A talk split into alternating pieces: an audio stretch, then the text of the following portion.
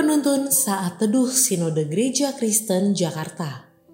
Rabu 16 Maret 2022 Judul Renungan Cinta Sejati.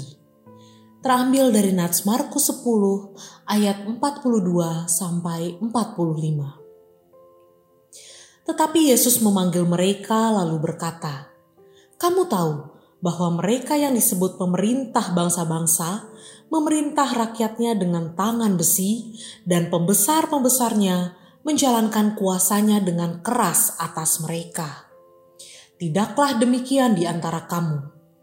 Barang siapa ingin menjadi besar di antara kamu, hendaklah ia menjadi pelayanmu.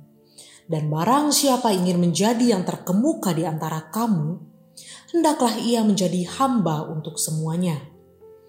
Karena anak manusia juga datang bukan untuk dilayani, melainkan untuk melayani dan untuk memberikan nyawanya menjadi tebusan bagi banyak orang. Namun, ada cinta yang tak pernah berlalu. Cinta yang kudapat darimu telah teruji lalui rentangan sang waktu. Kau mati bagiku, berkorban untuk diriku sepenggal lirik dari pujian rohani berjudul Cinta Sejati yang diciptakan oleh Frankie Sihombing. Tersirat pesan tentang Kristus, satu-satunya cinta sejati bagi manusia. Ia berkorban karena kasih Allah akan dunia ini dan untuk menggenapi karya penebusannya. Menarik bila kita membahas sebuah cinta sejati.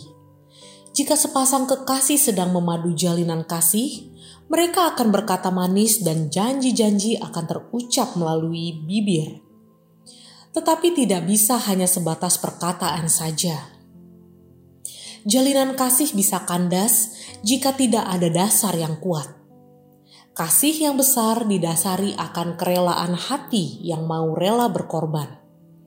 Jika tidak ada pengorbanan dalam sebuah hubungan kasih, maka hubungan tersebut tidak dapat bertahan lama dengan hanya mempertahankan ego dan keinginan pribadi menjadi prinsip yang salah karena hubungan kasih berjalan bersama-sama tidak berjalan hanya pada satu pihak saja yang ingin diuntungkan.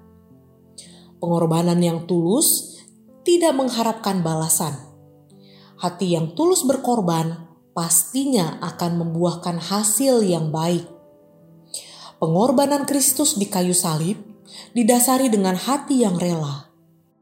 Ia berikan bagi manusia yang seharusnya binasa, tetapi beroleh hidup kekal atas kasih karunia Tuhan.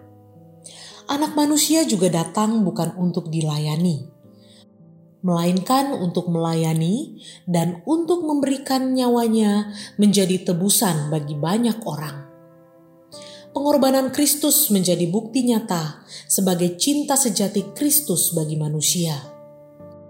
Mari terus belajar untuk hidup memberi, tidak hanya menerima. Hidup rela berkorban tidak hanya ingin selalu diuntungkan. Hidup tulus mengasihi tidak hanya ingin selalu dikasihi.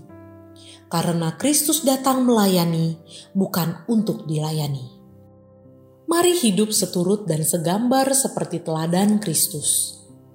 Cinta sejati mengajarkan kepada kita bukan hanya menerima, tetapi belajar untuk membagikan kasih itu. Kiranya Tuhan menolong kita.